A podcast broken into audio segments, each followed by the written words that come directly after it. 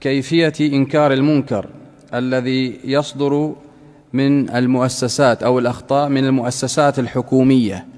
هذا شيء وضحه الرسول صلى الله عليه وسلم. في قوله صلى الله عليه وسلم من رأى منكم منكرا فليغيره بيده فإن لم يستطع فبلسانه فإن لم يستطع فبقلبه وذلك أضعف الإيمان. الرسول صلى الله عليه وسلم بين كيف ننكر المنكر. بهذه الخطوات العظيمة. من كان يستطيع تغييره باليد كالسلطان أو نائب السلطان فإنه يزيل المنكر بيده ويؤدب العاصي. هذا من حق السلطان أو المحتسبين الذين نصبهم السلطان.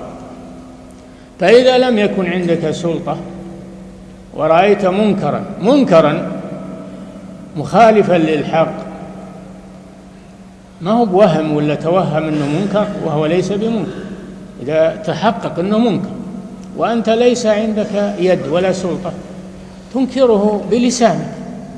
إن أعطاك الله علما وأعطاك الله بيانا بلسانك بالمناصحة. تنصح العصاة تنصح المخالفين.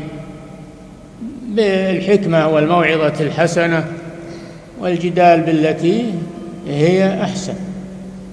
تبلغ عنهم ولاة الأمور تبلغ عنهم رجال الحسبة. إذا كان في رجال حسبة تبلغ عنهم. هذا من الإنكار باللسان. إذا لم يكن عندك علم ولا مقدرة باللسان فأنت تنكر المنكر بقلبك. ما ترضى بالمنكر ابدا. لا بد من إنكار المنكر لكنه درجات بحسب الاستطاعة. فإذا لم يكن عندك سلطة ولم يكن عندك علم وبيان فتنكر المنكر بقلبك. كل مؤمن من العام والعالم كلهم يستطيعون الإنكار بالقلب. هذا ما يعجز عنه أحد. تنكر المنكر بقلبك. فتبتعد عن المنكر وأهله.